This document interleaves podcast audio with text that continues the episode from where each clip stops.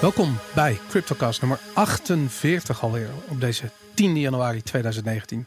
Ehm, deze aflevering wordt mede mogelijk gemaakt door bitonic.nl, bitmymoney.com en satos.nl. Tegenover me zit Herbert Blankenstein. Hey Boris. Daarnaast zit Madelon Vos. Hallo Boris. En onze gast vandaag is Sjors Provoost. Hallo. Hoi, Bitcoin developer, maar ook minstens net zo belangrijk, CryptoCast luisteraar. Ja. En je was heel erg actief op Twitter. eh, en op een gegeven moment hadden ze iets van, wauw, die Sjors is wel erg scherp. Die weet wel heel veel van eh, Bitcoin. Hoe komt dat? En toen hadden we contact en toen bleek dat je gewoon eh, ja, Bitcoin ontwikkelaar bent en gewoon ontzettend veel kennis in huis had. Dus hadden ze iets van, kom langs in eh, CryptoCast en vertel ons alles over Bitcoin development. En trouwens natuurkundige, hè, begrijp ik. Ja, klopt. Dat, Ik, eh, eh, ik zal proberen niet eh, al te onzinnige dingen te zeggen. dat probeer ik elke week, lukt me nooit. we tolereren alleen een beetje onzinnige beweringen. Daarom inderdaad. Laten we beginnen met het, eh, eh, met het nieuws. Eh, er is veel gebeurd afgelopen week. eh, dus ik kan me voorstellen dat iedereen ehm, eh, eh, nieuws heeft meegenomen. Eh Sjors, ik zou met jou willen beginnen. Eh, wat is jouw nieuwsbericht van deze week? Nou, ehm, ik las vanochtend, of gisteravond zelfs al, dat er eh, de laatste tijd 20% van alle Bitcoin-transacties blijkbaar nu eh, zogenaamde op-return eh, transacties zijn. En dat zijn speciale transacties waarmee je een bericht kan plaatsen op de blockchain. En eh, dat is best een groot volume, dus mensen vroegen zich af van wat is dit? En er blijkt een, eh, een project te zijn, dat heet uh, Veriblock. En die hebben een soort economisch eh, incentive gemaakt om te zorgen dat mensen heel veel transacties van dat type gaan posten op Bitcoin. En het komt er neer dat je, je bent eigenlijk aan het minen voor een eh, soort altcoin. Ik weet niet precies hoe het werkt. Uh, en elke keer dat je uh, voor die altcoin wil minen, moet jij een bitcoin of meerdere bitcoin transacties posten waarin je een bericht zet wat verwijst naar die blockchain. En dat veroorzaakt dus best wel een hoog transactievolume. En omdat die miners uiteindelijk betaald worden in een speciaal token, ben ik heel benieuwd hoe hoog dat volume wordt. Kijk, uiteindelijk gaan de fees van bitcoin omhoog. Maar ik weet niet wat de economische waarde van dat project is. Dus als het blijkt dat dat project in theorie zeg maar gigantisch veel waard is. Mm -hmm. ja, dan heb je ineens dat de meerderheid van de bitcoin-transacties die berichten zijn. Ja. Maar uiteindelijk zal daar een equilibrium in staan. En uiteindelijk zullen ze ook wel iets efficiënters verzinnen dan hoe ze het nu doen. Ik kan me voorstellen dat veel gebruikers zoiets hebben. Misschien niet helemaal in deze markt. Maar normaal gesproken van... hey, mijn bitcoin-transactie wordt duurder... omdat een of ander commercieel project... Uh, uh, allerlei uh, transacties er doorheen aan het pompen is. Um, hoe, hoe kijk je daar vanuit, vanuit de bitcoin-community naar?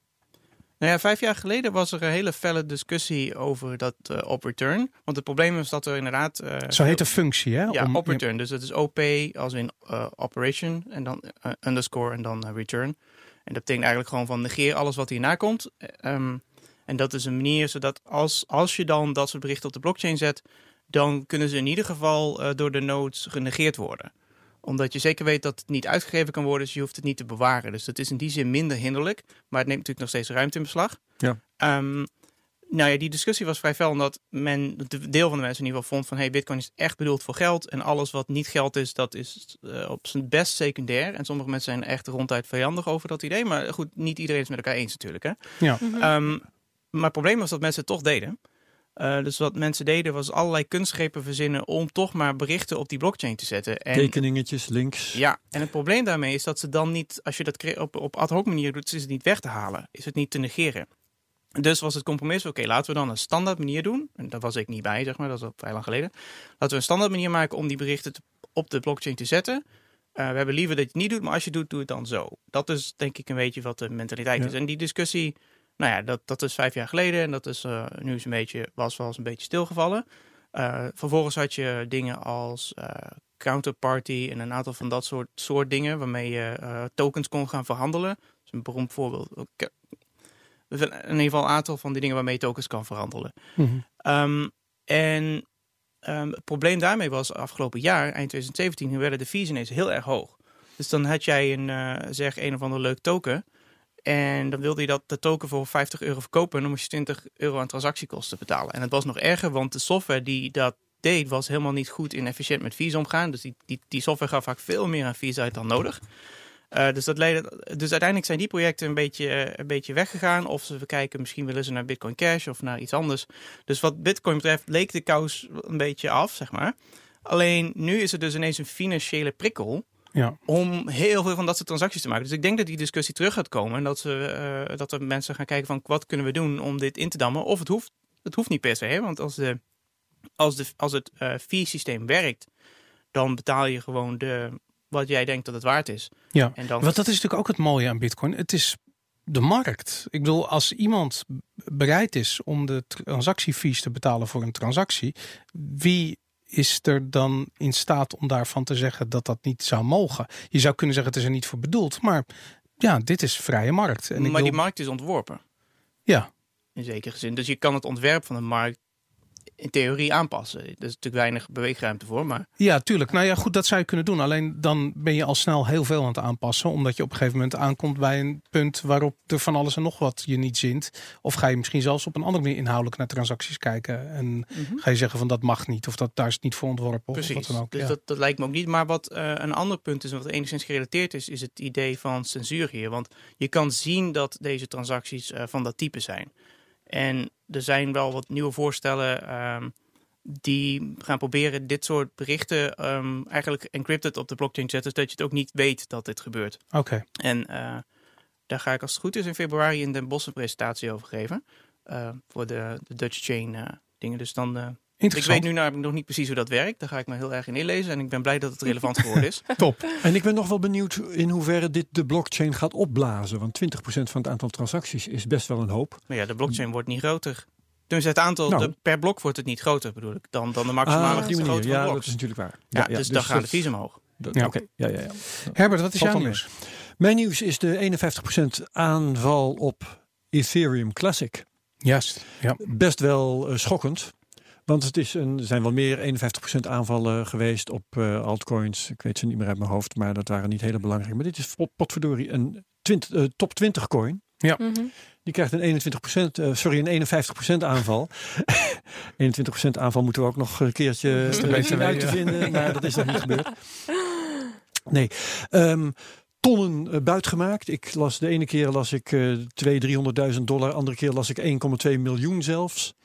In ieder geval, er, um, uh, het, is, het is ironisch dat dit Ethereum Classic nou overkomt. Want uh, Ethereum Classic, zoals je weet, is ontstaan nadat ze bij Ether gedwongen, zich gedwongen zagen om de klok terug te draaien. Ja. Uh, in verband met een aanval die er was geweest, was geen 51% aanval, maar het was wel een groot probleem, een grote hack. En uh, nu krijgt Ethereum Classic zo'n 51% aanval te verduren, die ook alweer de blockchain herschrijft. Ja. Dus het is triest. En uh, ja, ik las dat allerlei mensen zich erover verbazen dat de koers van de Ethereum Classic niet meer dan een procentje of 7 à 10 is gezakt. Terwijl het eigenlijk veel meer zou zijn als je die coin toch eigenlijk gewoon niet meer kunt vertrouwen. Ja. En verder is de vraag natuurlijk welke coin voorbij de top 20 kun je nou nog wel vertrouwen. Want als het bij de top 20 al lukt. Precies, en ik zag een overzicht zeer daarvan. verontrustend. Ze hadden een, een, een de, ik zag ergens op een, uh, in een tweet een overzichtje voorbij komen van een heleboel uh, coins die, um, uh, ja, waarbij eigenlijk werd vermeld wat het kost om een 51% aanval uit te voeren. Is ooit al en, meer voor gerekend. Ja, er was eentje ja. was heel opvallend was Bitcoin Private, een coin waar we aan het begin van het jaar nog wel eens een keer sporadisch wat over gezegd hebben, waar ik in eerste instantie vanwege de privacy aspecten nog enigszins enthousiast over was. Maar uh, ik, ik ben benieuwd, Herbert, ik weet niet of het goed maar wat denk je dat het kostte om een 51% aanval op, op Bitcoin? Bitcoin Private? Uh, ik, dat zou in, denk in de orde van 1000 dollar zijn. 26 dollar. 26. Oh nee. man. Via, is dat? Ik heb geen idee wat het was. Maar ik Via zag Amazon Web Service neem ik waarschijnlijk aan. Je daar gewoon een aantal machines in het leven roept. De, de coin wordt praktisch niet gemined. Ja. En dat is... Uh, Bitcoin Gold heeft, dat is een van de uh, voorbeelden die ik me nou herinner, heeft al een 51% aanval te verduren gehad. Ja. Dat was een van de voorbeelden die werd genoemd. Ja, daar, maar ja, die is ver beneden. Ik weet niet waar die ergens uithangt. In de top 100 hooguit nog. Ja, daar werd uh, Craig Wright van beschuldigd. Omdat ze ruzie hadden gehad op een of andere oh, evenement ja, in China. Ja, ja, Hij is natuurlijk een grote miner. Maar, goed. maar, goed, maar even, even terug naar Ether, uh, Ether Classic. Want er is wel... Um, uiteindelijk heeft het wel gevolgen gehad. Los van het feit dat men nu twijfelt over de ja, betrouwbaarheid van andere coins. Ze hebben gewoon coins uh, kortstondig dubbel kunnen uitgeven. Waardoor Mhm. Er 1,1 miljoen Dat is die uh, dollar tussen 200 gestolen is. Om ja, tussen 200.000 en 1,2 miljoen. De schattingen lopen uiteen. Ja. ja. dat bedrag is dubbel uitgegeven en dus gestolen. Ja. Toch vind ik het Ja. sportief van ze dat ze tot nog toe uh, uh, overwegen om gewoon niks te doen. Maar ze zijn aan het nadenken wat ze kunnen doen, maar ze gaan Ja. niet uh, meteen uit noodgrip zeggen: oh, we draaien die transacties wel op. Nee, want Ethereum Nee, Classic is geboren uit Ja. het principe dat je dat niet doet. Ja. Ja, en het feit Dus, dat we al wisten ja. dat dit kon, zou ook natuurlijk ook kunnen verklaren waarom de prijs niet verandert. Want de markt zou al lang moeten weten dat dit kon. Ja. Dus het risico was er al. Alleen dat het echt gebeurt is heb je een natuurlijk wel punt. nieuwe Ja. informatie. Ja. Ehm, ja, mijn, mijn enige theorie over Ethereum Classic is dat ze aan het afwachten zijn tot Ethereum zelf proof of stake gaat doen. En dan zijn zij de proof of work coin op dat gebied. En dan zouden ze misschien de meerderheid van de hashpower kunnen krijgen op dat gebied. En dat zou dan hun veilig maken. Dus het is een soort afwachtcoin misschien. Dat, dat zou een, een theorie kunnen zijn. Ja, Oké. Maar ja, waarom niet? Nou, de tijd zal het leren. Absoluut. Madelon, wat is jouw nieuws? Ja, ik had nieuws over, eh, over Rusland. En eh, zoals jullie weten is Amerika flink bezig met boycotten. En Amerika boycott nu ook Rusland. En Rusland heeft een reserve van ongeveer 460 miljard dollar. En die dollars mogen ze dus niet meer aanhouden. Dus er moet iets gebeuren met dat geld. En waar gaat het naartoe? En er is nu een, eh, Russische econoom geweest. Dat is, eh, ik, kan, ik kan de naam niet uitspreken, sorry. Ehm, een hoogleraar Probeer aan het de... nee, dat ga ik echt niet proberen. Een hoogleraar aan de Universiteit van, eh, van Moskou. En nou, hij zegt dus eigenlijk, hij, hij vraagt zich nu af. Wat gaat er gebeuren met die coins? En hij zegt hierbij heel duidelijk: Met die dollars bedoel je? eh, met die dollars. Ja, hij zegt hierbij heel duidelijk: nieuwe, ehm, deze nieuwe sancties zorgen ervoor dat Rusland eigenlijk wel geforceerd wordt om deze dollars om te zetten naar Bitcoin. Onder andere, want goud Onder is natuurlijk andere een naar optie. Bitcoin. eh, Precies. Maar hij zegt dat, eh, dat, dat Bitcoin helemaal nu, omdat het eh, compleet oversold is, heavily oversold, zegt hij, dat het eventueel wel een goede, goede investering zou kunnen zijn voor Rusland. En het feit dat een econoom in Rusland dit zegt, Ja. is heel interessant. Want ze zijn tot nu toe best wel afwachtend geweest. En ook, ja, je weet, in Rusland is vrijheid van meningsuiting best wel een beetje een, ding. Ehm, om het zomaar zacht uit te drukken. En eh, het feit dat dit nu gebeurt, vind ik heel interessant. Want dit betekent dat Ja. de macht van, van Amerika gewoon heel groot is. Het roept bij mij wel vragen op. Want jij hebt meer verstand van eh, economie en, en de geldmarkten en zo dan ik. Maar hoe kan Amerika Rusland verbieden om dollars te hebben? Dat zijn de sancties. In principe kunnen die, kunnen die, ehm, die, die, die dollars, die, kunnen, die, die moeten ze gewoon kwijt. Daar, daar, dat moet Ja. op de markt komen. Oké, ja. Ik, eh, ik eh, probeer me voor te stellen hoe dat is. Je hebt een bankrekening. volgens- je- ja, Volgens mij hebben ze staatsobligaties en die moet je natuurlijk op een gegeven moment eh, inleveren bij een, bij een land. En, Ja. eh, of omzetten weer naar geld. En dat land Ja. is in dit geval Amerika. En Amerika heeft zoiets van ja, doei. Dag. Dus zij willen, je wil liever niet eh, eh, eh, eh, geld lenen aan je buurman met wie je ruzie hebt. Dat is eigenlijk een Ja. beetje, dat Ja, krijg je ja, niet meer ja, terug. ja. Dat is een beetje het idee, denk ik. Spannend verschijnsel. Maar de vraag is natuurlijk, gaat dit ook daadwerkelijk eh, eh, gebeuren? Gaat, gaat, gaan we een land zien eh, wat strategische assets naar bitcoin gaat Nou, de speculaties daarover zijn er al heel lang. Hè? Ja, sterker nog, Of Noord-. Noord-Korea zou het aan het doen zijn. Iran wordt beweerd. gezegd. Ja, dus Ja. het begint natuurlijk altijd bij dat soort landen. En toen China. hebben wij hier nog gezegd, als grotere landen dat gaan doen, berg je dan maar. Ja, want Bit of, Rusland is natuurlijk een gigantisch land. En, Want er zou een wedloop kunnen worden. hè, Zodra Ja. eh, een land dat serieus gaat doen en het drijft de koers op, dan zijn alle andere landen te laat. ja, Toen was Willem Middelkoop nog degene die zei, nou, dat geloof je toch niet, dat kan niet. ik, eh, ik denk dat hij eh, inmiddels wel eh, tot het besef is gekomen dat dat misschien wel Toch tot wel de mogelijkheden zou Nou ja, het behoren. staat nog verre van vast. Hè? Want Tuurlijk, het is heel vanochtend vroeg. is de koers van de bitcoin weer 5% in elkaar gelazerd. Ja, eh, inderdaad. mij. George, wat denk je dat er gaat gebeuren als bitcoin eh, een strategische asset class wordt voor landen? Nou ja, dan zal de prijs wel iets omhoog gaan. Maar ik durf niet te voorspellen dat dat gebeurt. Zeg maar. En los van de prijs, wat denk je dat er gebeurt met, met eh, eh, bijvoorbeeld de mining? eh, Nou ja, dan wordt mining dus ook van enigszins strategisch belang. Uh, in ieder geval wil je dan denk ik misschien niet hebben dat één land echt controle heeft over 50%. Maar ook dat is niet per se het einde van de wereld. Uh, afhankelijk van hoe je het doet. We gaan het zien. Het zal, het zal ieder geval relevanter worden. Maar Ja. ik zie ook wel uh, het risico dat als dat op de verkeerde volgorde gebeurt, dat er heel vervelende dingen gaan gebeuren. Want stel dat Noord-Korea uh, Bitcoin tot officiële currency verklaart, dan, uh, dan krijg je dus OFAC-achtige dingen. Dus de Office of Foreign Asset, bla bla. mhm. Dat, dat er dus uh, hele, dat misschien heel Bitcoin illegaal verklaard wordt. Zo van, hé, hey, daarmee sponsor je Noord-Korea. Ja. Als, als er een overreactie komt. En zeker als dat ook nog in combinatie is met, weet ik veel, terrorisme of zo, dan kan er best wel ineens uh, repressie komen. Bitcoin Ja. overleeft het wel. Ja. Maar dat zal niet goed voor de prijs zijn, denk ik. In ieder geval op korte termijn. Ja, nee, dat snap ik Maar inderdaad. dat Ik- weet ik niet. Ik, ik ben benieuwd als dat gebeurt. Ik, ik had er even over zitten nadenken. Eh, op dit ogenblik is het minen van bitcoin of elke cryptocurrency is natuurlijk een economisch afweging die je maakt. Van wat kost de energie en wat kost de apparatuur en wat levert het op uiteindelijk. Ehm, ik zou me voorstellen als landen gaan minen, dan is hun eh, eh, doelstelling niet zozeer economisch als het gaat om de miningactiviteit aan zich. Maar is die mining bedoeld om hun asset te beschermen? Omdat ze natuurlijk gewoon heel erg veel ehm, eh, bitcoin. Ik moet heel erg lachen. Marlon probeert deze aflevering te filmen. En ze heeft een soort statief wat de hele tijd. Een soort wat lijkt wel alsof het dronken is. de of hele. Ik zie mijn ooghoek zie ik een soort de iPhone rondtollen. Er zitten actuatoren in. Volgens mij is gehackt of zo. Iemand dat aan het Ja, besturen er zit echt van, iemand eh, ons op internet. Uit Maar- Rusland of zo. Maar echt serieus. Maar goed, dan zou ik me dus voor kunnen stellen dat de, de mining, eh, ehm, ja, het mining segment heel erg eh, overhoop geschopt wordt. En dat we dus eh, ja, minder commerciële miners zien en meer landen gaan zien minen, omdat er een ander incentive achter zit. Maar als landen tegen verlies gaan minen, dan kan ik me inderdaad voorstellen dat dat niet goed is voor de commerciële miners. Ja. Maar ja, ik heb geen idee of dat gebeurt. Ja, nou goed, we gaan het zien.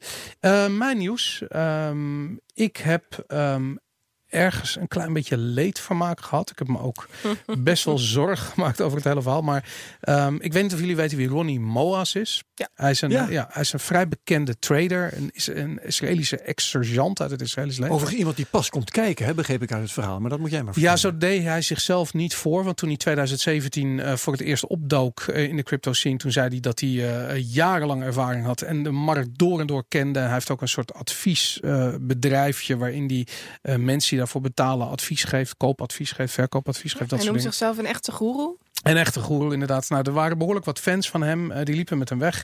En eh, nou goed, deze bearmarkt uh, kent natuurlijk vele slachtoffers. Zo ook eh, eh, Ronnie Moas. Ik zie ik telefoon. ik ga helemaal kapot op je telefoon. je staat hier te tollen en te doen in de hoek.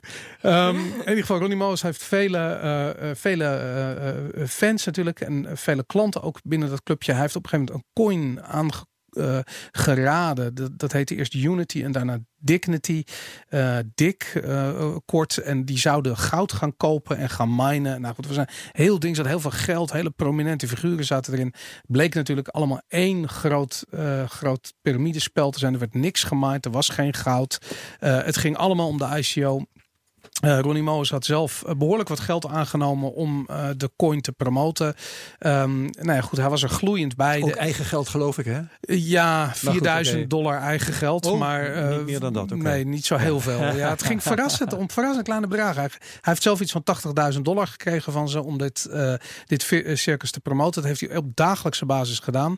Heel veel slachtoffers gemaakt van mensen zijn 10.000 dollars kwijtgeraakt omdat ja, ze geld ja, in zijn. En de, en de makers van uh, Dignity die uh, zitten er warmpjes bij, hè, geloof ik. Ja, nou dat is nog een beetje vaag wie dat precies zijn. Omdat er een paar hele prominente figuren bij zijn, grote CEO's. En die lijken er ook wel ingeluisterd te zijn. Uh, hun naam is misbruikt. Ja. Nou goed, het, het is... Ik begreep dat bepaalde oprichters uh, bezig waren hotels te kopen. En ik weet dat niet soort dingen. Zijn, in het begin is dat met het ICO's geld gebeurd en dat.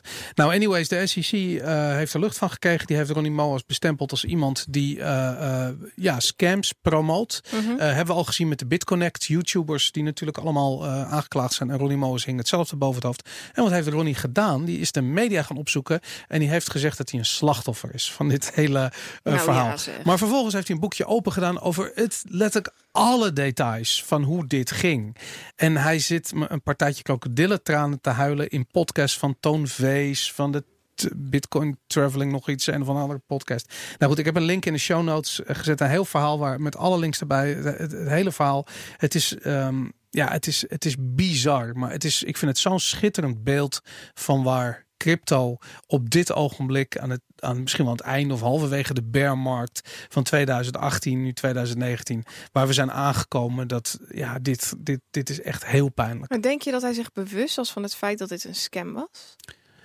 Nou, in eerste instantie waarschijnlijk niet. Uh, hij zegt zelf over uh, bijvoorbeeld zijn uh, verplichting om een onderzoek te doen.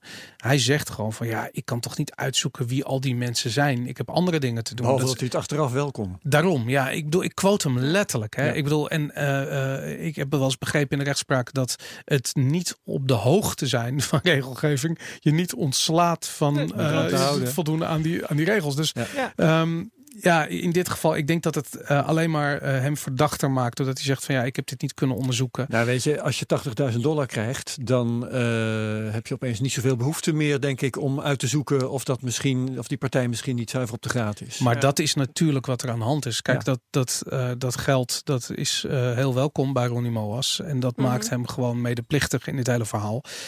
de vraag is natuurlijk van ja, in hoeverre is er opzet in het spel? En het lijkt ja. dat bij Dignity daar wel degelijk sprake van is. Dat er twee of drie uh, personen. De vraag is, wat mij betreft, is uh, hoe relevant is het of er opzet in het spel is?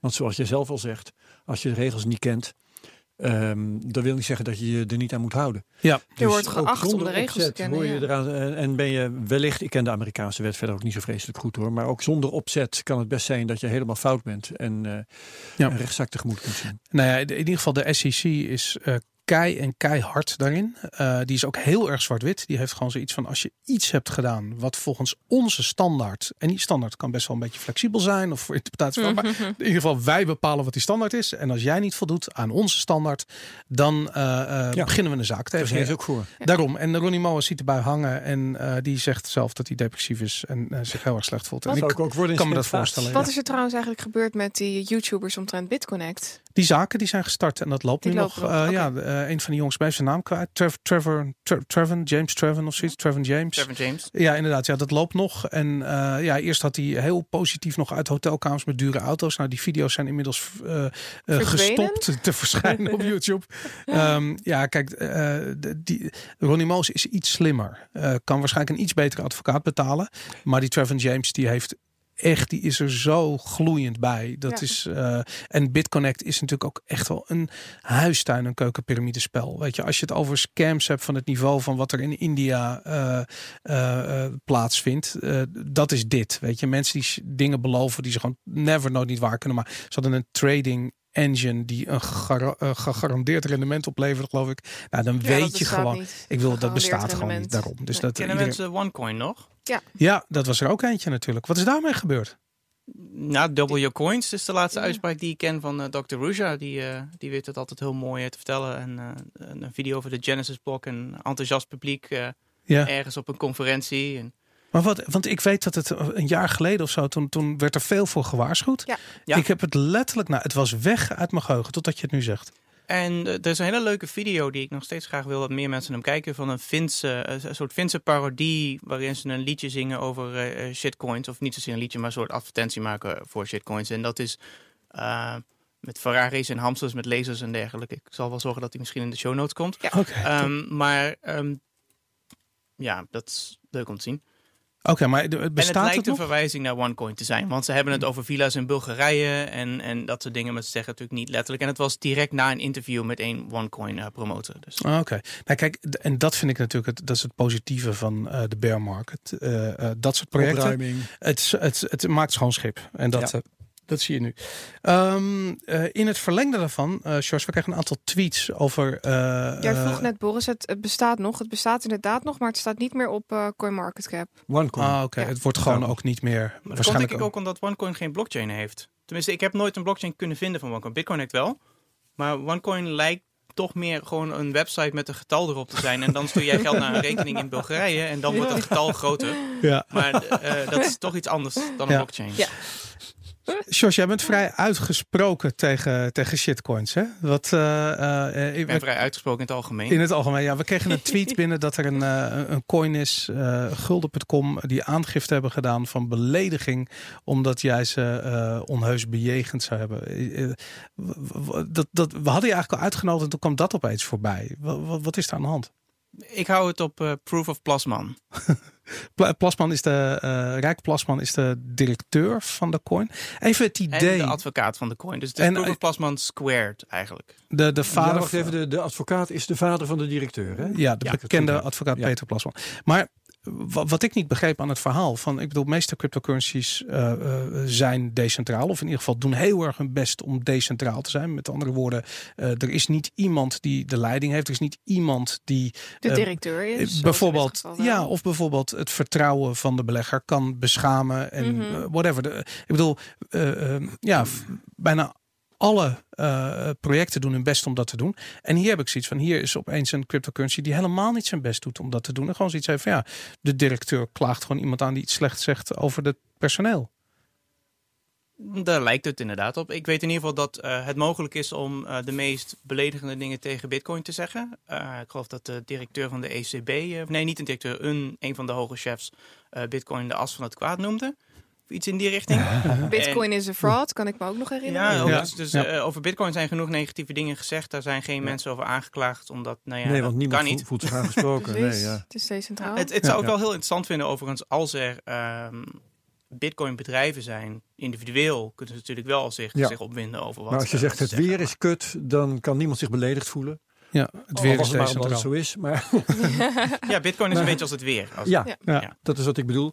Eh, maar mag ik weten, George, dat is natuurlijk moeilijk, want dan moet je gaan herhalen. Wat de, waar, waar word je nou precies van beticht? Wat heb jij voor vervelends gezegd? Dat weet ik dus nog steeds niet Dat precies. weet je zelf niet. Eh, ik heb wel vermoeden uiteraard, maar ik ga niet zeggen wat ik vermoed, want dat Nee. is niet handig. Mhm. Maar eh, ik heb tot nog toe alleen een blafbrief gehad en een vrij vage eh, uitnodiging om op een politiebureau te komen.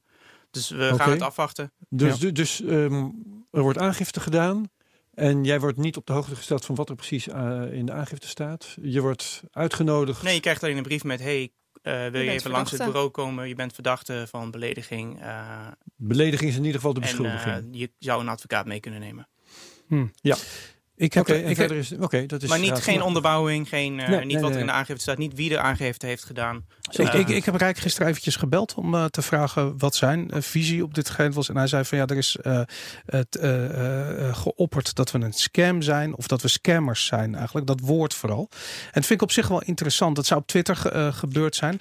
En wat ik er interessant aan vind is dat dat natuurlijk binnen de ehm, eh, Bitcoin gemeenschap natuurlijk heel gangbaar is. Sterker nog op Twitter. Ik zag vanochtend nog Bernie Sanders zeggen dat eh, Wall Street en Wells Fargo eh, eh, een fraud zijn en frauduleus handelen. Ehm, ja, fraud is wel een aanzienlijk sterkere term ook, hè? ja, Dus, eh, ja, inderdaad. Nou ja, goed. Ik zou het, ik zou het het- zelf synoniem vinden, eerlijk gezegd. Misschien wel, ja, inderdaad. Nou, daar- goed, laten, laten ja. we daar- mijn dat in. mening. Maar ehm, eh, ehm, en ik vond, ik had aan de ene kant zoiets van ja, eh Raak Plasman voelt zich heel erg aangesproken daardoor. Eh, die voelt zich als, als oplichter weggezet. Ehm, terwijl eh, eh, in de Bitcoin community er eigenlijk over alle coins eh, gezegd wordt van ja, het zijn als je het helemaal terugbrengt naar de essentie of de basis daarvan, is het iemand die geld aan het drukken is. En vanuit de libertarische gedachte dat we juist tegen het kunstmatig creëren van geld zijn, is het kunstmatig creëren door privépersonen natuurlijk wel helemaal extra wrang. Eh, en daarom wordt dat woord natuurlijk, eh, wordt er heel vaak gezegd van het is gewoon een scam, want het is iemand die geld aan het drukken is. Ja. Ja, maar, de- Maar nee, dat maar geldt dan ook voor Bitcoin. Dat- een, ik, eh, ik, vind, ik vind, daar, ik vind dat, dat het een groot verschil is. Je wisselt je geld in voor iets wat een andere waarde zou moeten vertegenwoordigen, omdat daar een bepaalde onderliggende waarde in zit. Omdat jij daarin gelooft, omdat het privacy ehm, dingen in zich heeft, Hmm. waarvan jij denkt, dit is iets wat beter is dan het geld waar ik waar ik nu mee betaal. Of eh, dit is iets waar ik graag mijn geld in stop, omdat dat voor mij meer van waarde is. Ik vind niet dat je geld bijdrukt om als je een nieuwe coin maakt. Maar eh, waarom niet? Want als jij zegt van je begint morgen Nee, de Madelon coin, dan Dan waren kun ze. jij je geld inwisselen in mijn coin. Maar het is niet dat er nieuw geld ontstaat. Hoe zie jij het dat, is een George? nieuw mechanisme. Eh, privaat geld is eigenlijk het fenomeen, toch? Ik bedoel, de, het idee dat eigenlijk iedereen eh, zijn eigen geld kan maken is een vrij oud libertarisch idee. Dat dat, dat gewoon eh, concurrentie kan zijn. Wie kan het beste geld maken? En dan zie je wel Precies. wie, wie uiteindelijk wint. Ja. Dus daar is op zich niks mis mee. Er is ook echt Nee. absoluut niks, fundamenteel niks mis met een pre-mine.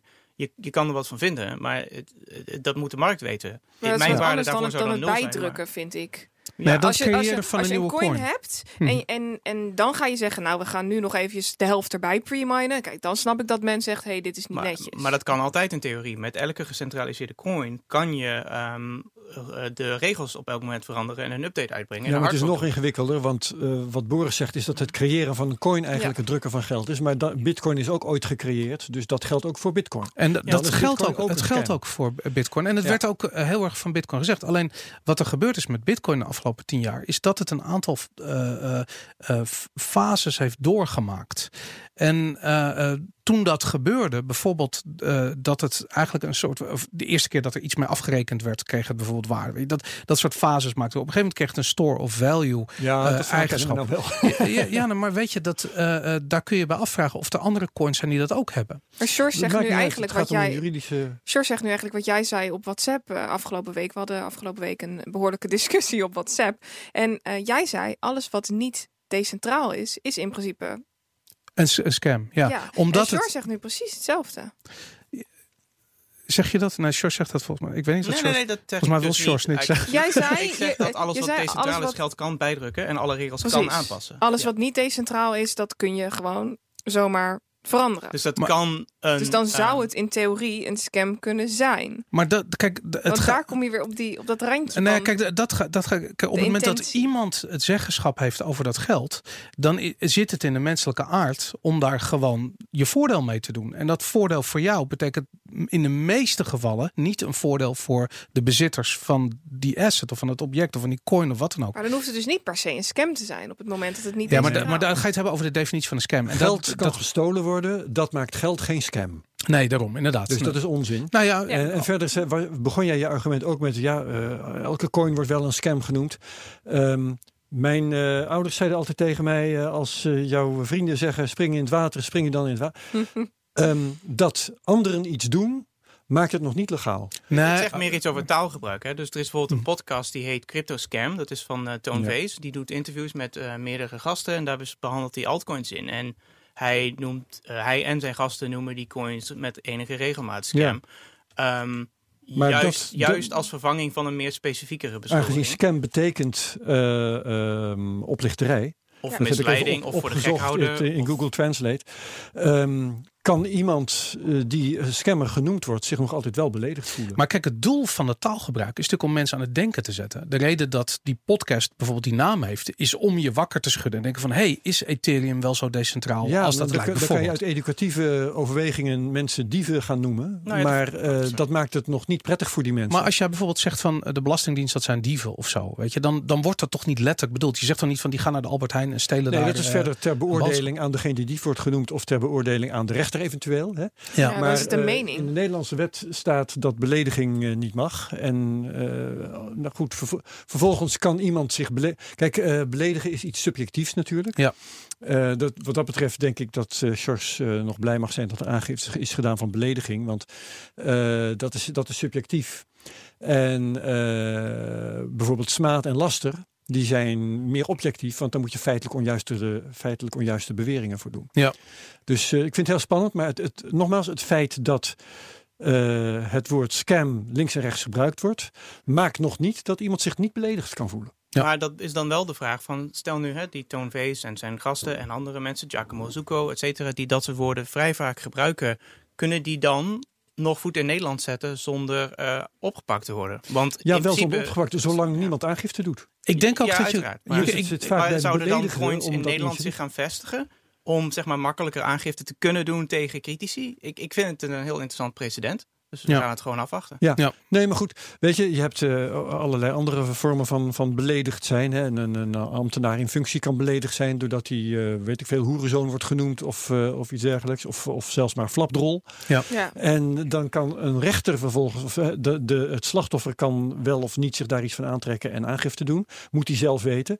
En dan komt het, de- een officier gaat dan al of niet besluiten of hij daar, dat ook werkelijk gaat vervolgen. Moet Mhm. hij zelf weten. Ja. En een rechter kan vervolgens besluiten om dat al of niet te veroordelen. Moet hij zelf weten. Ja. Dus er is een hele ri- rij van onzekerheden. Maar beledigen is strafbaar. En dat een belediging veel geuit wordt, maakt hem nog niet minder beledigend. Ja, nou goed, we gaan het zien. Succes Ja. in ieder geval, George, hiermee. Ik had nog één eh, kleine. Ik weet het overigens met die aangifte verder helemaal niet. Ik vind het allemaal flauwekul. Ja. Laat dat duidelijk zijn. Hm. Maar je kunt niet zeggen, het wordt veel gedaan, dus kan het niet, eh, kan het niet Nee, strafbaar ik denk ook dat er uiteindelijk. Maar goed, we gaan het zien. Ik, eh, ik ga nog even. Ik, ik heb er verder ook niet. Ik wou nog even één eh, ehm, eh, eh, site die voorbij kwam afgelopen week. We hebben het veel over Lightning Network gehad. En ik kwam een site tegen die heet tippin.me. Tippin zonder de G van tipping. En het is eigenlijk een experiment. En het geeft je je een Lightning wallet en mensen kunnen daar bijvoorbeeld een Lightning transactie naar overmaken. Uh, bijvoorbeeld jezelf. Als je een eigen Lightning wallet hebt of je draait een noot of weet ik van je wil kijken hoe snel dat gaat, dan kun je dus heel makkelijk eventjes daar uh, met Twitter inloggen en een, uh, een account aanmaken. En dan zie je hoe ontzettend snel die transactie gaat. Nou, iemand heeft mij van de week 30.000 Satoshi gegeven, wat omgekeerd precies een euro is. en, maar het raar is, wat ik, ik, ik, ik het, het, klinkt, het klinkt simpel, hè, dat idee dat je denkt van nou, worden we daar nou zo enthousiast van dat die site er is. En ik zat er naar te kijken en ik realiseerde me van die 30.000 Satoshi, dat klinkt echt als heel veel. Hoe ze dat doen, hoe snel het er is, de, de kleinheid van de betaling. Eh, ik heb er zelf mee geëxperimenteerd. Het was, nou, ik, ik denk de enige tijd die het kostte was het herladen van de website, bij wijze van spreken. Weet je, het was er gewoon direct.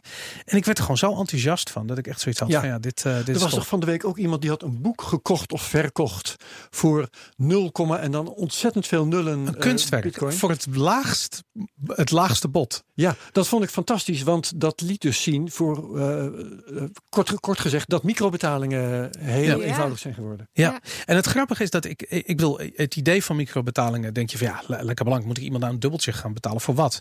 Maar dat, uh, uh, dat tip in per minuut laat zien dat die paar satoshis, hoe makkelijk dat gaat. Zo van, hey, weet je, ik vind jullie podcast of ik vind je idee of ik vind je tweet of hier is een paar satoshi. Weet je, het is in, in euro's is het niks, maar het gebaar ja. van, en het is er direct, dat vind ik ook zo leuk. Je kunt gaan betalen voor het versturen van een e-mail ja. of voor het bekijken van, van een webpagina, weet je wel. Dat zijn betalingen die je niet merkt, maar die uiteindelijk wel optellen bij degene die ze ontvangt. Ja, nou goed, en dat, ik, ik vond het een mooi voorbeeld van het psychologische effect van microbetaling, want ik werd heel erg blij en dus van de verdiensten van het Lightning Network. Ja, dat bedoel je. De, inderdaad. En ik moet je zeggen, als iemand me een euro had gegeven, had ik zoiets van ja, oké, okay, weet je, dankjewel, geweldig. Uh, maar uh, uh, 30.000 Satoshi, dat voelt echt zo wow, 30.000 Satoshi, dat is vet, weet je. Het hoog tijd dat we een Lightning rekening gaan openen voor de CryptoCast. Nou, dat, ja, dat, dat, dat is dus een druk op de knop. We zullen de link eventjes in de show notes zetten. Ja, dus als jullie ons met Lightning een, een Satoshi zouden willen tippen, dan check even de show Elke Satoshi is welkom. Elke Welkom. Dank jullie wel. Alvast. Ik heb een uh, jaar geleden hier vlak in de buurt bij de Nederlandse Bank een demonstratie van Lightning gegeven. Waarin ik ook uh, liet zien hoe je 25 eurocent echt in een fractie van een seconde kon overmaken. Uh, dat moest toen echt nog met een laptop waarin ik inlogde op een computer thuis. Waarin ik dan weer inlogde op nog een virtuele computer, et cetera, et cetera, et cetera. en alles copy-pasten, maar het werkte. En ik heb ze ook proberen uit te leggen hoe het werkt. Um, ze hebben, nou ja, anyway, dat, dat was leuk om te doen. Maar het is mooi om te zien hoe, de, hoe het steeds beter wordt. Dus er komen steeds meer gebruiksvriendelijkere wallets. Het, het duurt allemaal even. Er zijn echt nog wel een hoop problemen die opgelost moeten worden. Mm -hmm. um, wat misschien, uh, wat betreft die microtipping, dat is natuurlijk al eerder gedaan met Bitcoin. Hè? Dus uh, Dan Held heeft daar een hele start-up voor gedaan. En hij is daar zelf heel sceptisch over. Maar goed, dat zullen we zien. Wat ik misschien een leuk voorbeeld zou vinden Waarom in is hij Nederland. daar sceptisch over?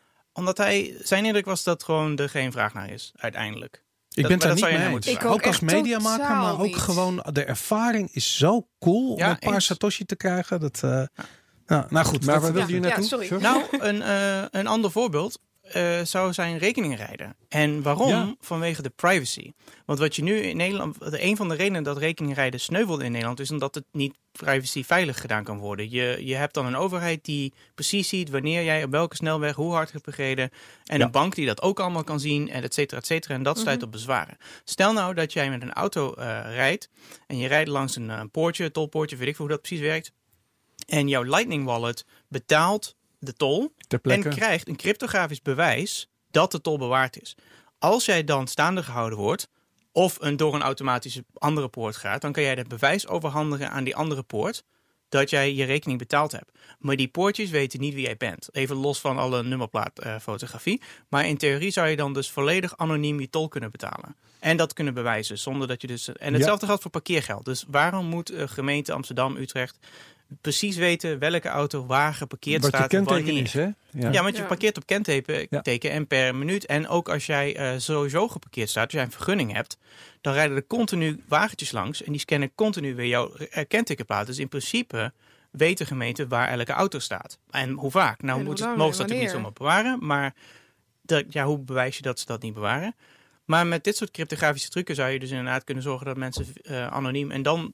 Dan heeft het zin om microtransacties te doen. Omdat, dan doe je het echt vanwege de privacy. Ja. Ja. Ehm, Ik hoorde van het Lightning Network ook dat het eh, weer eens in de afgelopen maand 20% gegroeid was. Ja, of de- daaromtrent. de hoeveelheid En, eh, eh, groeien. 500 bitcoin. eh, 550 groter. zelfs. zichtbare Ja. deel. Het zichtbare deel. Want je kan, eh, ik heb bijvoorbeeld een mobiele wallet, kan ik straks wel even laten zien, waarmee je eh Eclair op Android, en daar kan, je, eh, daar kan je geld op zetten en kanalen mee openen, maar dat is één richting op en die kanalen worden niet aangekondigd. Dus iedereen die die wallet gebruikt, dat is onbekend hoeveel en hoeveel geld erin zit. Dus we weten het niet. Maar goed, aan de andere kant, ik heb er dan een beetje geld in zitten, maar ik doe er niet zo heel veel mee. Dus eh, de totale hoeveelheid zegt uiteindelijk niet zoveel, alleen het zegt wat mensen bereid zijn op het spel te zetten. Ja, Ja. ja, ja. ja. Absoluut. Oké. Goed, eh, laten we snel doorgaan naar de prijsanalyse. Ja, ik Madelon. pak hem er eventjes bij. Ja, we zagen een. eh, het ging zo goed. Ja, we zaten bij die Head and Shoulders vorige week, waar ik jullie over vertelde met die leuke klap- en flapregel. En dat we dan weer naar eh 5200 dollar zouden kunnen gaan. Nou, ehm, ik zei het ge- vorige week ook al, die vier uur grafiek, die is niet zo ehm, betrouwbaar als de daggrafiek. Dus als zo'n patroon plaatsvindt op de vier uur grafiek, ja, mag je je, er je twijfels erbij hebben. En wat zagen we vandaag? De koers stort inderdaad naar beneden. En ik denk dat het een procent of vijf is ongeveer. Ja, van, van 4000 naar 3800 ongeveer. Hè? Is dat dan een long squeeze? Eh, nee, dat zou ik zo niet zeggen op basis van, eh, van, van dit patroon niet. Oké. Ehm, en we zien nu dat, eh, dat, dat de koers langzaamaan eh, nu zijn equilibrium, dus een rustpunt, weer, weer aan het vinden is. En ik acht die 4100 dollar nog steeds het punt waar we doorheen moeten. Ehm, als het niet gebeurt, zouden we nog richting de nieuwe lows kunnen gaan. Want we zitten overal nog steeds in een mega, mega, mega downtrend. En we zijn daar nog niet opwaarts weer uitgebroken. Dus lang verhaal kort, eh, ik ben niet super positief. Totdat we die 4100 eh, doorbreken. Duidelijk. En zijn. Dollar. Oké. Ik blijf overal artikelen tegenkomen. Vijf redenen waarom Bitcoin nou echt. eh, vijf belangrijke signalen dat we een boelmarket tegemoet gaan. Ja, Ja, overal zie je heel veel bullish berichten. Steeds zieliger, dat soort berichten. Ja, Ja. maar aan de andere kant zie ik ook veel berichten dat we aan de vooravond van de grote kiezer staan. Dus misschien dat er eh, Ja. wel gewoon echt dingen gaan gebeuren, maar we weten het niet. Ja, dat Ja. gaan Nee, zeker we gaan het in de gaten houden. Goed, onze, onze virtuele beleggingswedstrijd. Wij geven geen beleggingsadvies. Eh, zie dit niet als advies. Eh, ook al zijn misschien uit deze neerwaartse. Eh, oh nee, het gaat, eigenlijk iets beter deze week. Eh, Herbert, wat is jouw stand deze week eh, van de oorspronkelijke 1000 dollar? En we lopen bijna op ons einde. Dat is namelijk 12 maanden Ja. nadat we begonnen zijn. En dat Mhm. zou, wat was het, eh, 14 februari? 20, ik weet het niet. 7 februari geloof ik is week 52. Oh ja, oké, dan hebben we het een jaar gedaan. Ja. Ja. Nou goed, Nou dus, ja, eh, Ik sta iets boven de 160. Ik heb, jij hebt het wel voor je neus, eh Boris, je staat op het 100, draaiboek. ja, 163 dollar 29 Ik heb cent. het vergeten in mijn eigen tabel hier op te schrijven. Pak hem Ja, met een tientje meer dan vorige week. Ja, ja, ja, de ether heeft zich weer een beetje hersteld. Er zijn een paar dingen gebeurd. Maar goed, oké. het is geen significante verbetering. Vorige week was het 153,92 zie ik hier Ja. staan. Dus eh, er zit een tientje bij ongeveer. Of anderhalf tientje. En eh, nou oké, dat is dan dat. Prima, nou, ik ben van 198 dollar naar 192 dollar gaan. Alleen maar Bitcoin. Omlaag. Ja. Ietsje omlaag inderdaad. Ja. Eh, Madelon, ben jij, eh, jij bent omhoog gegaan? Nee, omlaag Nee, gaan. ietsje omlaag, eh 2 dollar, 3 dollar bijna. Ik sta nu op eh, 761 dollar, dus niet zo heel veel gebeurd. Ik heb ook niks veranderd, dus eh, Oké, duidelijk. Het 100 dollar eh, per week eh, project. Je hebt de 4000 dollar gehaald, eh, Herbert. De 4000 dollar. Ja, precies. Ik haal nu de. Ja, ik dacht even dat je de koers bedoelde. Nee. Maar die zat juist weer onder de. Dat was ik blij mee. Toch weer een keer onder de 4000 dollar kunnen inkopen. Dus weer een 40ste bitcoin erbij. Ehm, op 3863 kocht ik vanochtend. En de waarde is eh, geen 4000, maar 2520 dollar. Dus dat is een negatief rendement van 37 procent. Oké, Eh, nou ja, en eh, het eh, scenario waar ik nog wel eens naar kijk, wat had, was er gebeurd als ik alles in één keer had ingelegd, daar lig ik nu 258 dollar op voor. Ja. Eh, en ik ga ook een grens stellen. Ik denk dat ik bij 5000 dollar eh ophoud. Dat is een mooi rond getal. en dan vliegt hij omhoog. dan ga ik een tijd laten. Nou ja, goed. En als dan, heb ik al eerder gezegd, als het boven een bepaalde grens is gekomen, dan ga ik laten zien hoe dat microcashje werkt. Oké, Maar daarvoor moet het eerst een stukje stijgen. juist. Goed. Sjors, hoe ben jij met bitcoin in aanraking gekomen? Eh, met Bitcoin zelf, ik heb een mailtje aan een vriend van me eh, in 2011, waarin ik hem een link stuur over een van de Bitcoin-artikel en waarin ik zeg: Dit is echt onzin. Eh, het is een soort eh, World of Warcraft geldachtig iets. Uh, hartstikke, want ik ken het vaak vertoond. Ja, ik kende Ja. het woord eh, decentraal nog niet. Maar ik, ik was bekend met ehm, eh, Second Life en met World of Warcraft. Niet dat ik het Ja. zelf speelde, maar ik wist dat er geld was. en gold en alles. Ja. Ja. en ik wist ook dat dat vrij veel in eh, dat dat eh, verhandeld werd. Dus dat het een echte waarde in het economisch verkeer had. Dat het ook voor witwassen gebruikt werd, eh et cetera, et cetera. Dus Uh, ik had niet door dat Bitcoin fundamenteel anders is. Want ik had al onmiddellijk door van hey, um, die mensen die World of Warcraft Gold verhandelen en karakters verhandelen, die hebben elke keer last van het feit dat Blizzard daar geen zin in heeft. Um, dus die worden elke keer door zijn centrale partij uitgeschakeld. Dus ik snapte wat het probleem was. Ik snapte niet dat Bitcoin het oploste. Uh, twee jaar later heb ik, uh, ben ik pas echt een beetje gaan verdiepen en praatjes van Mike Hearn en dergelijke over smart contracts en dat soort dingen. Dus dan heb je het over eind 2012, begin 2013. ik heb in midden 2013 een presentatie gegeven over hoe aan een Ruby uh, community, Ruby on Rails uh, community, hoe je een Bitcoin transactie, uh, hoe dat in elkaar zit, technisch gezien. Dus wat zijn inputs en outputs en, en hoe werkt dat verhaal. En nou ja, ben wel naar wat meetups gegaan. En een jaar later, dan hebben we het over midden 2018, ben ik me echt fulltime gaan verdiepen in Bitcoin. Wat ik toen heb geprobeerd is als echt als gewoon oefenprojectje om de cryptografie die erachter zit, dus de elliptic curve cryptografie, om die in Swift te programmeren. Dat is de taal van Apple. En uh, dat, die code is absoluut niet uh, veilig. Die, dat staat er ook echt met koeiletters boven. Gebruik dit niet. Je, je raakt al je geld kwijt. maar in principe was ik in staat om vanuit een willekeurig getal dat dat ding genereerde dan ook echt een bitcoin adres te presenteren. En de eerste versie deed daar twee uur op en daarna een paar minuten. Dus dat, dat was een leuke exercitie. Maar um, ja, wat het precies het doel daarvan was, was meer gewoon verkennen. En uiteindelijk via via uh, heeft blockchain.info mij benaderd met de vraag van... hey, wij uh, zien dat je iets met apps doet. En, uh, en ik had ook een pull request gemaakt naar blockchain.info voor hun iOS-app... toen die nog eh, niet in de store stond. en die hebben ze een jaar genegeerd. En, maar uiteindelijk kwamen ze dus bij mij terecht. En toen ben ik daar gaan werken in eind 2014 hebben we het nu over. Bij Apple? Nee, bij, bij, uh, bij blockchain. Oh, sorry. Ik dacht dat, je zei, dat je het over Apple had. Okay. Nee, nee Apple had toen juist een verbod op, de, op Bitcoin apps. Ja. ja. Mag ik een vraagje tussendoor stellen? Vind jij uh, de wallet op de telefoon van blockchain.info veilig? Dat vind ik een nogal brede term. Ik ga er liever niet op reageren, want het is mijn uh, sponsor en ik ben aandeelhouder, dus ik weet niet Ah, oké. Okay. Ik kan je wel uitleggen hoe die werkt. Ja. Um, dan kun je zelf daar een oordeel over, uh, over vellen. Als ja, en laat ik het zo zeggen. Toen ik bij blockchain werkte, bewaarde ik het alle overgrote deel van mijn coins in een blockchain wallet. Oké. Duidelijk. En, en, ja. en nu doe ik dan natuurlijk weer andere dingen, omdat ik nu ook met andere projecten bezig ben. Ik mm -hmm. geloof er wel in dat je je eigen uh, dogfood moet eten. Ja, ja en oh, ik bedoel, je bent uh, van huis uit natuurkundige natuurlijk. Uh, ja. Vanuit je studie denk ik al met computers en met programmeren en met wiskunde in aanraking gekomen. Hoe ben je uiteindelijk um, daadwerkelijk aan de slag gegaan met het ontwikkelen van, van Bitcoin? Met, met het developen software Bitcoin. Of het ja, software. Het software het algemeen, daar rol je in. Dus ik heb natuurkunde gestudeerd in Utrecht inderdaad tot 2005 toen Sustainable Development als master, dus milieukunde. En dan leer je op alle manieren waarop de wereld ten onder gaat. En, en hoe dat dan opgelost zou kunnen worden. En waarom al die oplossingen niet werken. En uh, dat was leuk. Maar uh, ik ben toen wat gaan rondreizen en dan wil je remote gaan werken. En, en, als je remote wil werken, dan ga je eigenlijk altijd programmeren. Dus dan leer je dat jezelf. En nou ja, dus uh, zo kom je daarin. Ik heb dat als freelancer gedaan. Maar Bitcoin zelf, dus echt aan Bitcoin, is dus na blockchain. Dus nadat ik daar, ik heb daar uh, anderhalf jaar ongeveer aan hun wallet gewerkt. En toen wilde ik weer echt weer echt aan mijn eigen dingen meer kunnen werken. En toen ben ik eigenlijk spontaan via, via moest ik, wilde ik ineens een pull request naar Bitcoin Core maken. Ja. En ik was toen bezig met een project van Paul Storts, DriveChain. Uh, dat vond ik wel een, een interessante manier om misschien uh, Bitcoin te kunnen schalen. Um, en ik wilde dat gewoon uitproberen. Ik bedoel, je kan allemaal papers lezen en naar mensen luisteren, maar er, het is veel beter om die code op je eigen computer uh, te klonen en gewoon eens te proberen. En daar, nou ja, dan kom je natuurlijk allemaal moeilijkheden tegen en dan, uh, dan ga je wat feedback leveren. En uiteindelijk uh, kwam ik, ging ik er ook mee experimenteren en kwam ik achter, raakte ik zelf in verwarring. En om die verwarring op te lossen, wilde ik iets aanpassen aan een test in Bitcoin Core. Dus dat is heel, zeg maar, stap na stap na stap na stap. Dus ik, ik stuur die aanpassingen in die test op. En uh, nou, dan krijg je natuurlijk een hoop goede feedback op. En dan pas je dat weer aan. En dan krijg je nog meer feedback. En dan pas je het nog verder aan. En op een gegeven moment uh, ga je dan ook nog iets willekeurige andere to-do aanpassen. Omdat je ergens aan herinnerd wordt. En daar krijg je dan ook weer goede feedback op.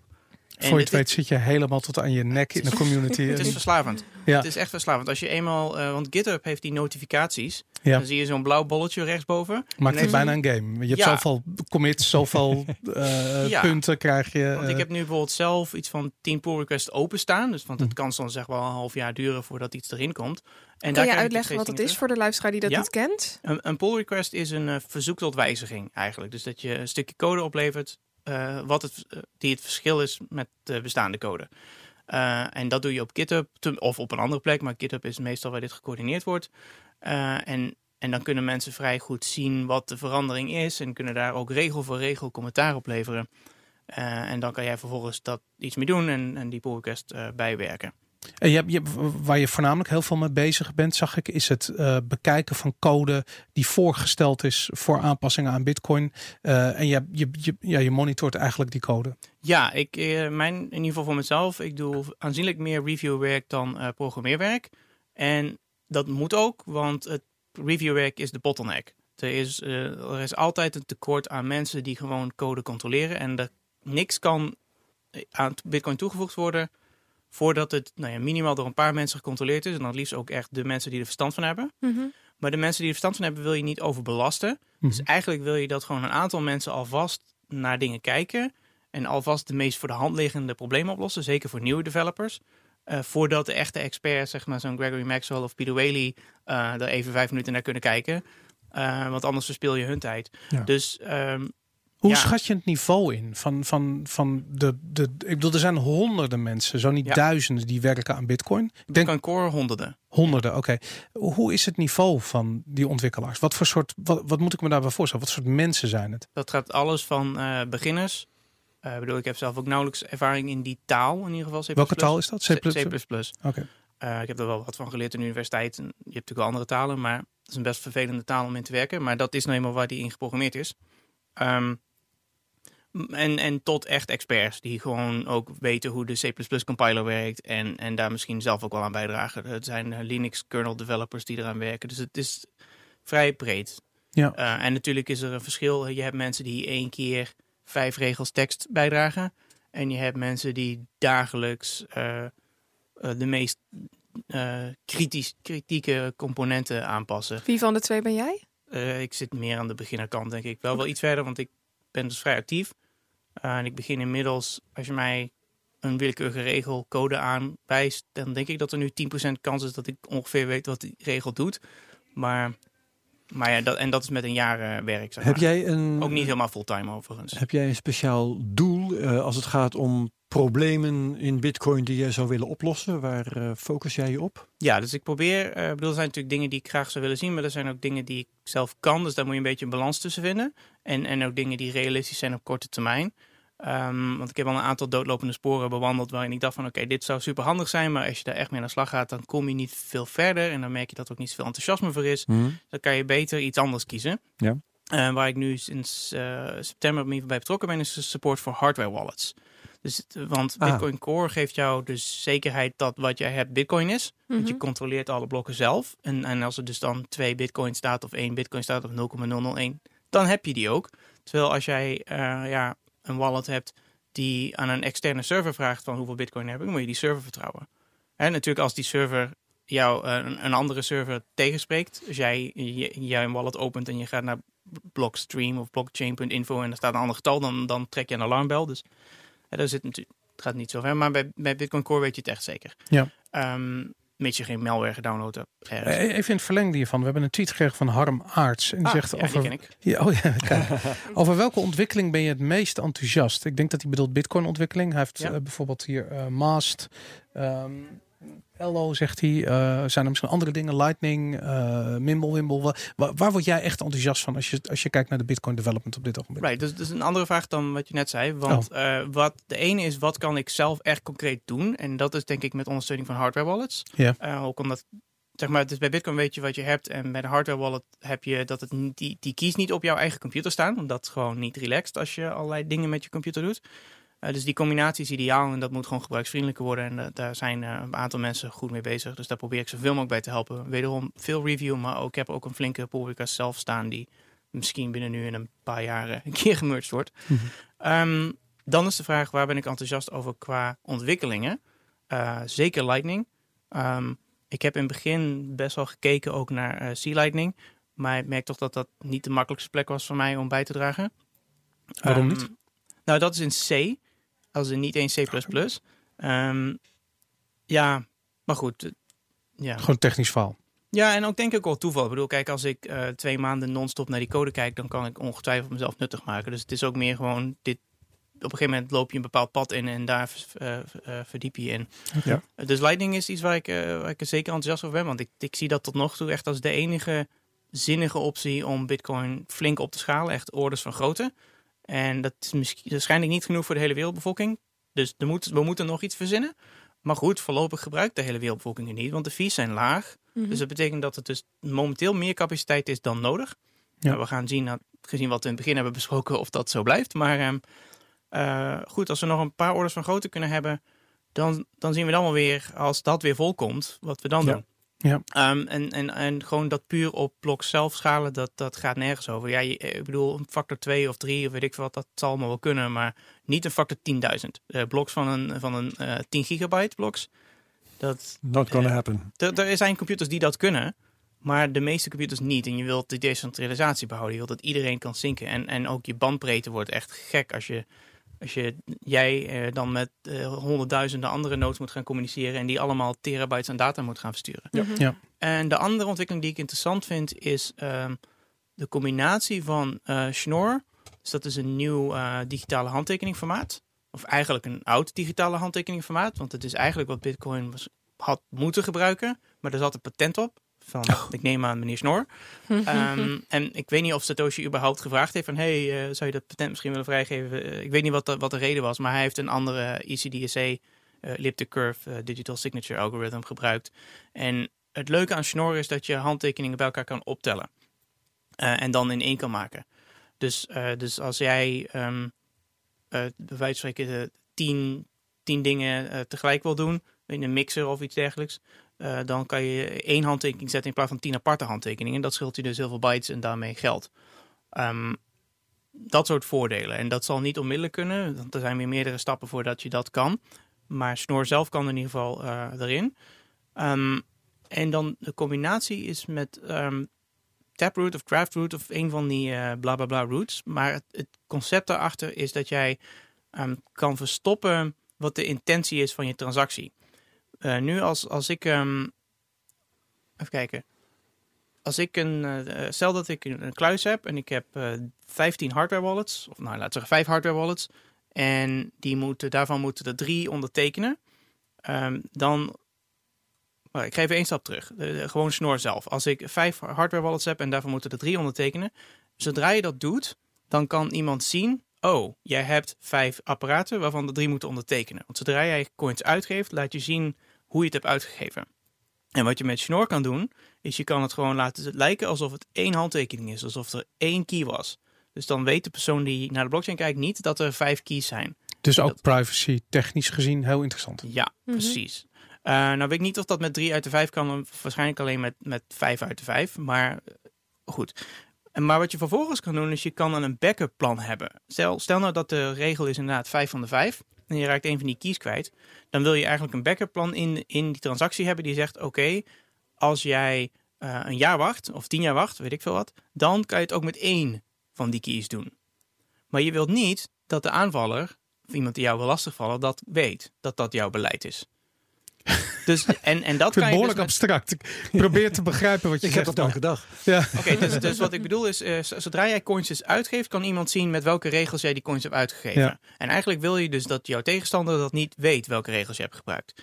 En, en daar is dus deels dus daar snor voor, omdat je uh, die handtekeningen combineert, waardoor het lijkt alsof het één handtekening was. het verhoogt de privacy. Ja, maar dat is alleen maar hoeveel handtekeningen je hebt. Uh, daar kan je niet iets mee zeggen als wacht tien jaar. Dat kan je niet uitdrukken met een handtekening. Maar er is dus een truc bedacht of Graphoot of Taproot, dat moet je aan uh, Aaron van Weerdem vragen of even googlen. En daarmee kan je een extra voorwaarde, dus bijvoorbeeld na 10 jaar, kan je helemaal geheim houden. Als je die voorwaarden niet gebruikt, dan zal nooit iemand weten dat het had gekund. Als je het wel gebruikt, kunnen ze het wel zien. Dus wederom geeft dus je een dat... soort van if this then that kan ja, ingebouwd worden. Precies, maar het, is dan, uh, het lijkt alsof je het alleen maar kan uitgeven met, uh, juist met één handtekening. In werkelijkheid kan je het eigenlijk alleen uitgeven met vijf handtekeningen. En na tien jaar met één handtekening. En, en niemand die dat weet. Het is handig voor je testament of zoiets. Ja, maar Ja. überhaupt voor beveiliging. Je wilt zo min mogelijk informatie aan je tegenstander geven. Ja. Ja. Snap ik. En Ehm, ook voor privacy in de zin van dat alle, coin, alle transacties op Bitcoin op elkaar lijken. Dus dat je niet kan zien, oh, dit is een wallet, want die gebruikt eh, twee van de drie multisig. En dit is een wallet, want die gebruikt eh, maar één adres. Hoe kijk jij eigenlijk aan tussen tegen privacy en bitcoin, die combinatie? Ik zou graag willen dat het beter was, maar het is natuurlijk al.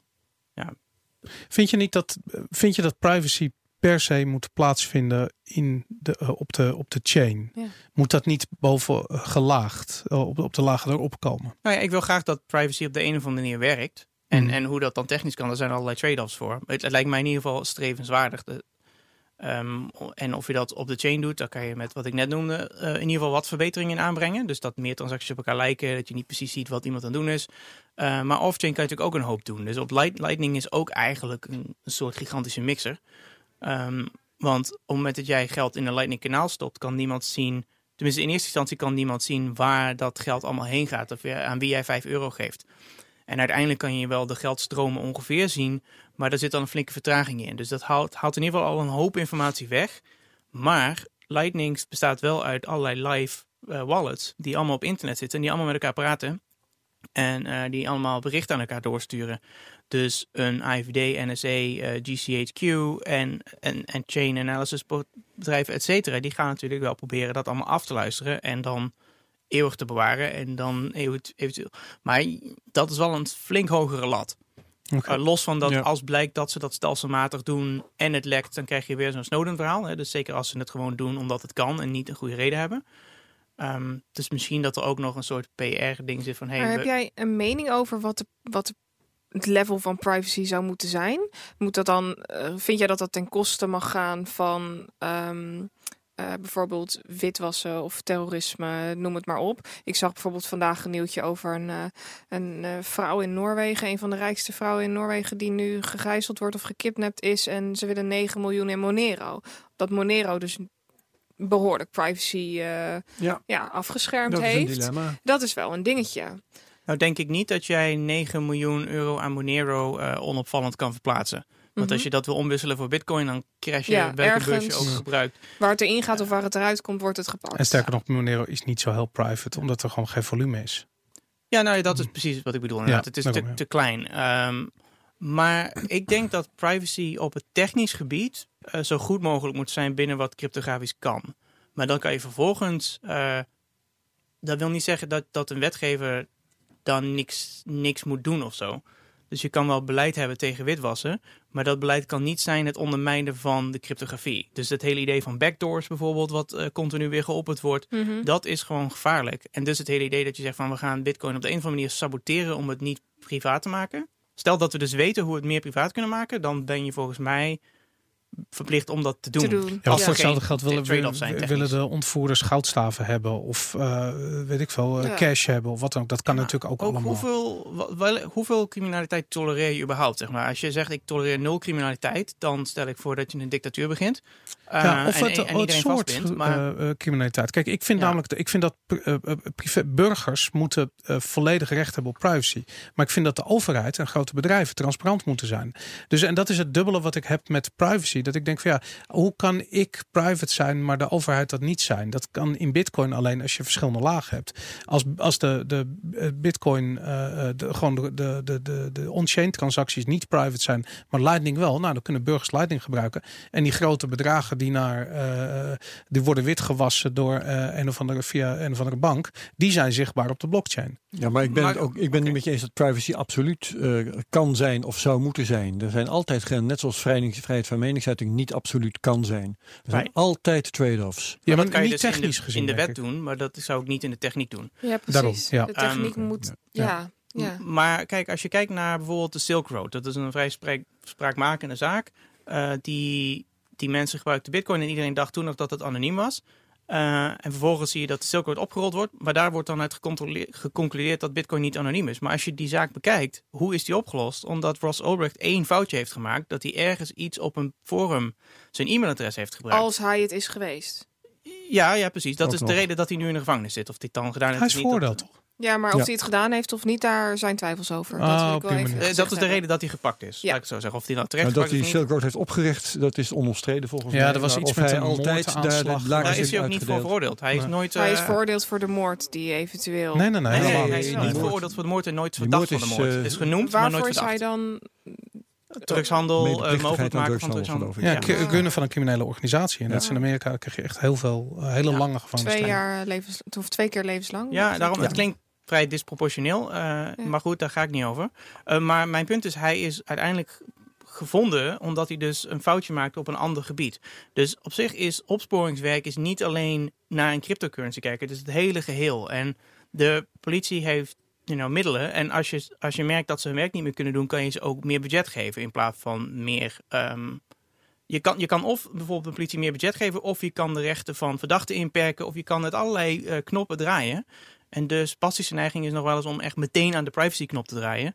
Eh, en dat lijkt mij niet slim. Eh, bijvoorbeeld ook als je kijkt naar witwassen als wetgeving, wordt vaak de bewijslast omgekeerd, deels omgekeerd. Niet helemaal, dat is wel wat paal en perk aan. Ehm, maar, eh, en dat is goedkoper, want hè, dan kan je heel snel gewoon honderd mensen vinden en die zeg je van nou ga je jezelf maar verdedigen. Ja. Ehm, maar je kan ook meer budget hebben en dan ben je weliswaar langer bezig met die mensen op te pakken. Maar dan heb je wel een, een samenleving waarin meer privacy bestaat. Dus je moet dan bedenken wat is, welke trade-off ben je bereid Ja. te accepteren. Dat is helder. En ik, ik persoonlijk zou liever meer budget aan de politie geven dan ehm, de bewijslast van dit was het nog Omdraaien, slechter maken. ja. Duidelijk, George, eh, ter afsluiting. eh, we, we hebben heel, vrij veel vragen via Twitter gehad en een aantal dingen die overlapten een beetje. En die kwamen eigenlijk een beetje neer op, stel dat, je even, stel dat er even niet bitcoin was. Wat zou dan een project zijn waar je zoveel eh, innovatie ziet, waar je zoveel ziet gebeuren dat je denkt van nou, dat is, dat is iets waar ik aan zou willen bijdragen. Dat vind ik een lastige vraag, want de hypothese dat bitcoin niet bestaat is, is lastig. Eh.